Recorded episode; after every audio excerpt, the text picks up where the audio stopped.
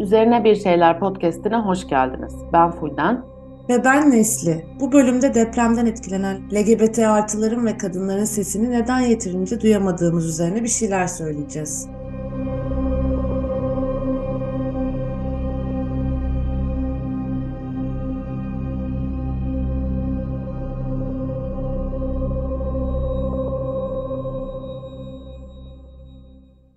Deprem olalı bir ayı geçti. Hmm, çok üzgün, öfkeli ve bitkin hissediyorum kendi adıma. Ee, bir şeylerin ucundan tutmaya çalışıyorum ama hiç de yeterli gelmiyor bir taraftan.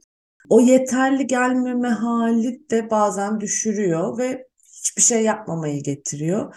Bir öyle bir böyle dalgalanıyormuşum gibi geliyor. Evet ben de zaman zaman seninle benzer hissediyorum. Öfke, üzüntü, acı, bitkinlik böyle bir döngü hani çarkı felek gibi dönüyor. Bir o, bir o isen bir o ise. Zaten herhalde böyle dalgalı hissetmeyen yoktur. Yani gördüklerimiz, tanık olduklarımız, insanlara reva görülen, yaşatılan acı sindirilecek gibi değil. Öfkeden kuduruyorum bazen. Sonra işte ağlıyorum falan. Hatta bir süredir depresyonda gibiyim. Hani depresyonda olduğum zamanlardaki gibiyim. Böyle elim ayağım kalkmıyor genel olarak. Ne bileyim yataktan çıkamıyorum. Gözüm gözümün üstünde hep bir perde var. O hissi bilir misin? Böyle hiç ayılamamışsın gibi. evet. Bir tek bir tek çalışınca kendime gelebiliyorum sanırım. Ben de iş güç olmasa ne yapardım bilmiyorum. İlk günler özellikle ilk iki hafta durmadan bir yerlere yetişmeye çalıştım. Ama sonra bünye kendini bıraktı. İşte ben de depresyona yakın bir şeyler geçirdim sanırım bilmiyorum. Ki çevremdeki pek çok kişinin de benzer süreçlerden geçtiğini gördüm aslında yani bu işte bir, bir aya geçkin süreçte. Bir taraftan da kendi deprem travmalarım da tetiklendi tabii ister istemez. Hı hı. Bende de bastırdığım şeyler e, depreme dair travmalarım tetiklendi. Gerçi ben hani 2020 İzmir depremini yaşadım. Sen 99 depremini yaşadın. Bambaşka bir bambaşka bir deneyim. E, senin gibi 99 depremini yaşayan çok fazla insan var etrafımızda. E, benim de etrafımda. Yani insanlar kendi travmasıyla mı baş etsin, deprem sonrası bir şeylere mi yardım etsin çok zorlandılar gördüğüm kadarıyla. Evet çok zordu gerçekten ama bu zorluğun çok daha fazlası, çok daha katmerlisi tabii ki bölgede Adıyaman, Maraş, Hatay başta olmak üzere depremin gerçekleştiği yerlerde devam ediyor. Görünen o ki uzun bir sürede devam edecek. Önceki depremlerde olduğu gibi hani onlardan da hatırlıyoruz süreçlerin ne kadar uzun olduğunu. Bir de e, bu depremde 15 milyona yakın insan etkilendi. Hani bunu düşünürsek birkaç ayda değil hani birkaç yılda bile etkileri ortadan kalkmayacak gibi duruyor. Evet, e, bölümde daha da ilerlemeden şey de söyleyelim tabii. Depremden etkilenen herkese geçmiş olsun. E, kaybettiğimiz insanlar, hayvanlar, anılar, şehirler içinde başımız sağ olsun. Başımız sağ olsun, evet. Ee, ya biz aslında bir podcast bölümü yapıp yapmamak konusunda e, konuşuyoruz haftalardır aramızda. İki kez niyetlendik sanırım değil mi Nesli? İki değil üç kere hatta. evet üç kere bölüm yapalım dedik. Sonra işte o depresyon vurdu. Bir de şey hissi geldi yani bir şey söylesek ne söylemesek ne yani insanlar nelerle uğraşıyor ne podcast'i diye düşündük. Podcast'a nereden yaklaşacağımızı da bilemedik açıkçası. Önce dedik bu e, çok bahsedilen normalleşme üzerine mi bir şey söylesek? Hani birinci ay yaklaşırken depremin bir normalleşme konuşulmaya başladı çünkü her yerde. Ee, işte normalleşmemiz lazım dedi başka şehirde yaşayan insanlar çoğunlukla. İşte bir kahve bile iç içemeyecek miyiz gibi hezeyanlar yükseldi. Buna karşılık siz normalleşiyorsanız normalleşin. Bizim yaşadıklarımız normalleşmeye izin vermeyecek kadar ağır dedi tarafta. Ee, pandemide de vardı ya bu normal muhabbeti işte. Yani normale ne yani normal? Dönsek ne olacak? Hani normal bir, bir boka benziyor muydu da biz hemen böyle bir şey dönmek istiyoruz. Bir de zaten e, yani çayını kahvesini içen içiyor ki hani zaten normalleşmek öyle bir no bir şey de değil. Yani bu kadar tantanaya gerek var mı? Ne alaka yani?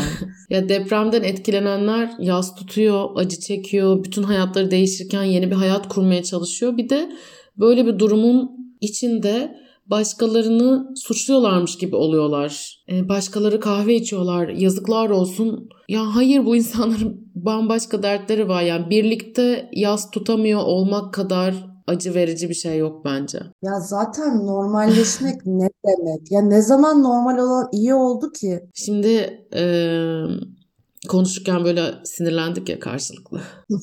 işte bir de bunun bölümünü yaparsak hani dedin ya normalleşme bölümü yapmayı düşündük diye. Sonra oturduk işte baktık. Normalleşme diye bir bölüm yaparsak o kadar ihtiyaç varken insanları yani daha da fazla sinirlendirmek iyi gelmez diye düşündük falan. Y- yine durduk. Sonra şöyle bir şey oldu. E, Velvele'nin bir buluşması vardı İstanbul'da 9 Mart'ta LGBT artı yayıncılar ve içerik üreticileriyle. Frankenstein Kitap Evi'nde yapıldı. Teşekkürler kendilerine de buradan ev sahipliği yaptıkları için. Orada sanırım e, bir 70-80 kadar kişi geldi. Şey konuştuk. Deprem sonrasında queer yayıncılık, içerik üreticiliği ne işe yarar? E, depremden etkilenen öznelerin sözüne nasıl yer verebiliriz? Diye tartıştık. O kadar yüzme yüzme çarptı ki bazı şeyler. O akşam hemen bölüm yapalım diye karar verdim. Yani böyle bir kendime geldim. Zaten neyse koştur koştur hemen sana mesaj attım. Etkinlik bitti iyi geldi. Evet başlıyoruz tekrar falan diye. Evet ben de sevindim senden öyle bir mesaj gelince. E, haftalardır e, bir şey yapalım diye düşünüyorduk ama yol bulamıyorduk. E, buluşma bayağı uzundu böyle bir buçuk saat falan sürdü. Her şeyi tek tek anlatmam mümkün değil de bir şey çok dikkatimi çekti. E, buluşmaya bir sürü LGBT artı yayıncı ve içerik üreticisi katıldı. İşte YouTube kanalı olan da vardı. E, ne bileyim e, dernekte çalışan da vardı. Kendi hesabı olan da vardı. Böyle çeşitli çeşitli bir sürü insan geldi. Birçoğu dedi ki Hepimizin bir sürü takipçisi var. Bir dolu takipçimiz var ama hiç aklımıza gelmedi kendi hesaplarımızı kullanmak. Kendi medya gücümüzü kullanmayı düşünemedik. Hani böyle bir gücün farkında bile değildik dediler ya da ben böyle yorumluyorum şu anda. Ben de aynı şeyi düşündüm. Mesela depremden sonra üzerine bir şeyler hesabını kullanmak hiç aklıma gelmedi. Ben kendim bir şeyler yaptım işte içinde bulunduğum topluluklarla bir şeyler yaptım ya da sen de kendin yaptın Nesli ama hiç dönüp demedik ki biz üzerine bir şeyleri kullanalım. Bir de e, neredeyse her gün konuştuk. Zaten e, benzer işlere de koşturduk. Fulden mesela İzmir'deydi o sırada. Ankara'da bir ihtiyaç olduğunda bana söyledi. Ben Ankara'da elimden geleni yapmaya çalıştım. Birlikte takip ettik her şeyi. E, ama gerçekten benim de aklıma gelmedi üzerine bir şeyler hesabını kullanmak. Yani hani ara ara şey olarak geldi de böyle nasıl yapabileceğimizi kestiremedim. Ya da sanki o hesabı kullanmak böyle durumdan kar çıkartıyormuş. Hmm. Hani böyle o hesabı bir şey götürtmeye çalışıyormuş hı falan gibi de geldi. Sonra da uçtu gitti zaten. O kadar acildi ki her şey çok düşünecek vakitte olmuyordu. Evet, refleks olarak e, LGBT artı yayıncılar, yayıncılık yapanlar, işte içerik üreticileri, queer medya denebilece diyebileceğimiz ee, kesim kendi medya gücünü göz ardı etti sanırım. Ya da bunun hani ortak bir deneyim olduğunu fark ettim. İnsanlar kendileri hareket ettiler ya da başka hani örgütlü olduğu yerlerde. Ama şöyle inanılmaz bir gerçek var aslında. Depremden etkilenen bir sürü LGBT artı vardı ve deprem bölgesinde yalnız bırakıldı.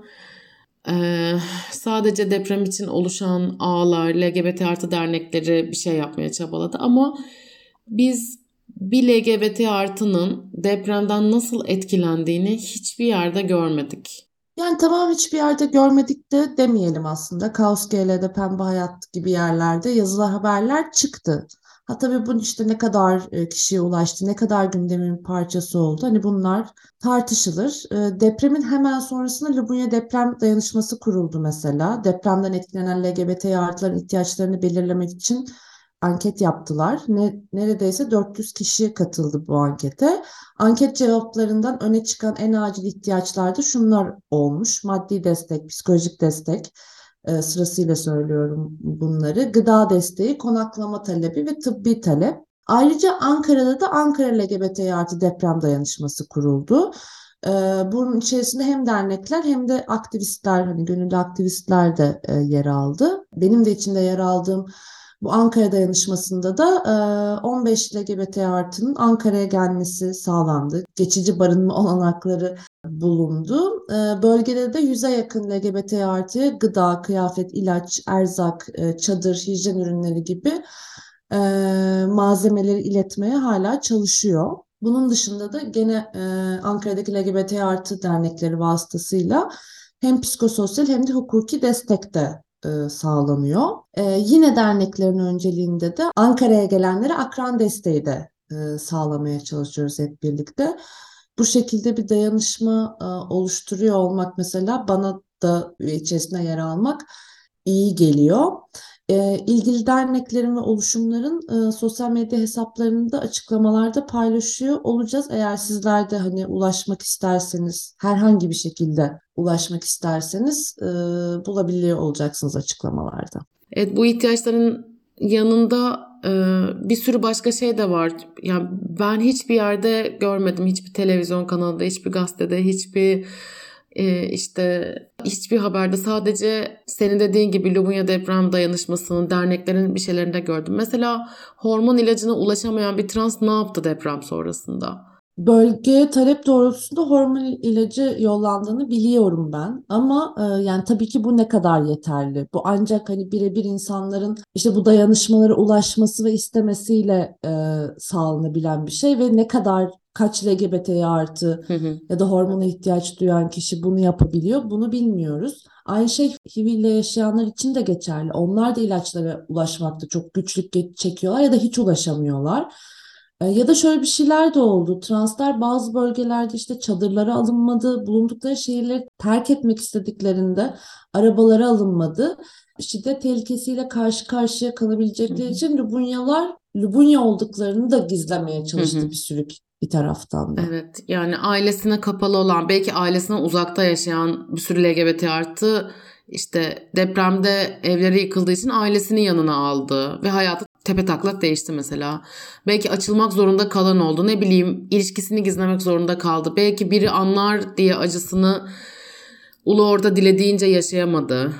Ee, ya da yurtlar kapandığı için bir anda ailesinin yanına dönmek zorunda kaldı insanlar bir gecede. Bilmediğimiz çok fazla hikaye var ve bu hikayelerin hiçbirine e, ana akımından en alternatifine medyada rastlayamıyoruz. Öyle bir medya yok çünkü daha queer medya dediğimiz LGBT artıların ihtiyaçlarını gözeten medya küçücük bir şey.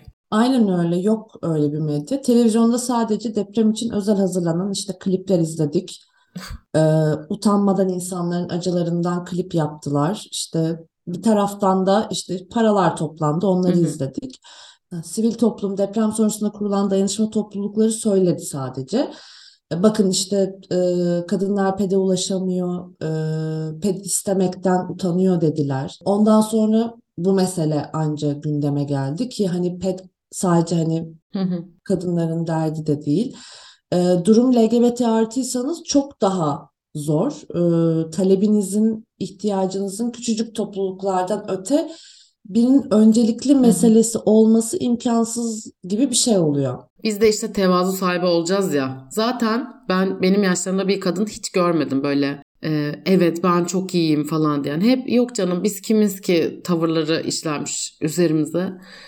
Aslında bu podcast'in de bir medya gücü var ve bu, bu gücü anlayınca e, ki bunu da Velvele buluşmasında idrak ettim. Şöyle düşündüm yani biz medyanın insafına kalmayalım ya. İşte LGBT artı dayanışma topluluklarını görünce işte nasıl yani depremde ayrımcılık da yapılmaz ki falan diyenlerin insafına kalmayalım. Biz kendi medyamızın gücünü kullanalım dedik. Bu gücü de e, depremden etkilenen LGBT artıların hikayelerine ayırmak istiyoruz.